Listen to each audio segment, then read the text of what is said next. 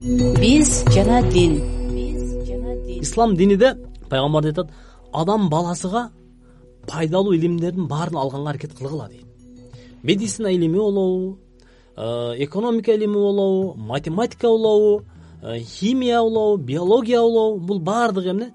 Адам баласынын жашооуна пайдалуу адам баласынын жашоосуну жеңилдете турган илимдер.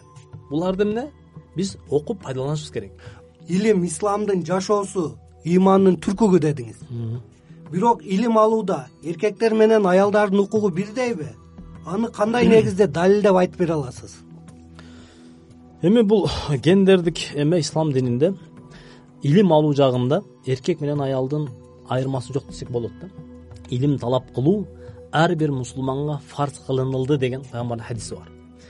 Бул жерде ар бир мусулманга деген сөз дейт. Эркекпи аялбы айырмасы жок дейт мен могу америкада жүргөндө э, окуп жүргөнүбүздө көп американецтер менен биз баягы сүйлөшүп талкуу кылып калдык эле мугалимдерибиз менен ошолор айтат эле бизге жанагындай силерде ислам дининде э, аялдардын акысын бербейсиңер укугун бербейсиңер аялдарды окутпайсыңар андай мындай депчи. Мен аларга да көп айтып бердим.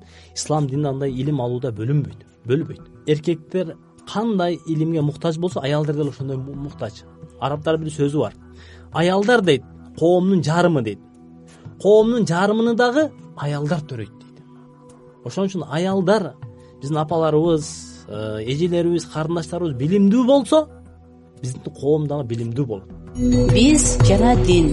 Мына учурда өлкөбүздө диний билимдин жеткиликтүү эместигинен түрдүү багыттагы жааматтар өз ишин активдештирип айрыкча жаштардын радикалдуу топторго тартылып жаткандыгын байкасак болот.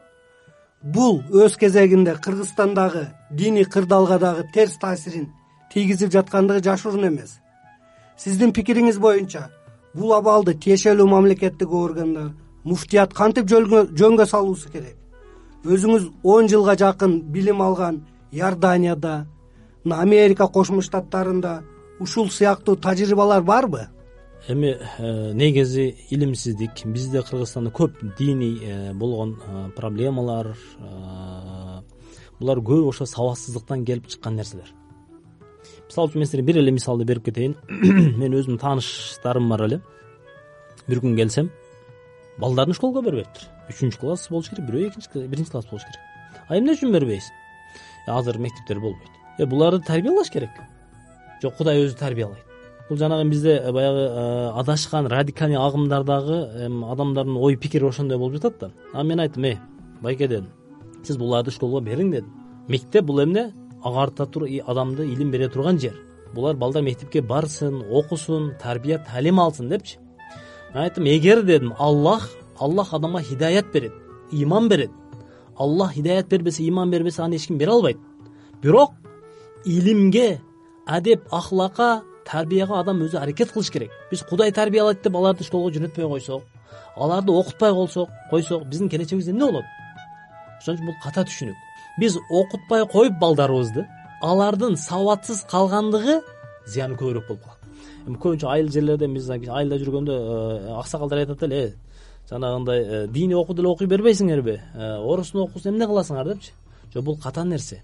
Ошо алар орустун окуусу дейт бул орустун окуусу эмес эле дүйнөбүй окуулар булар адам баласына керектүү илимдер ошо географияны химияны биологияны астрономияны ошо арабтар деле окуйт пакистандтар деле окуйт бүткүл адам баласы эмне? Окуйт. Ал адам баласыга жалпы адам баласына керектүү илимдер. Биз жана дин.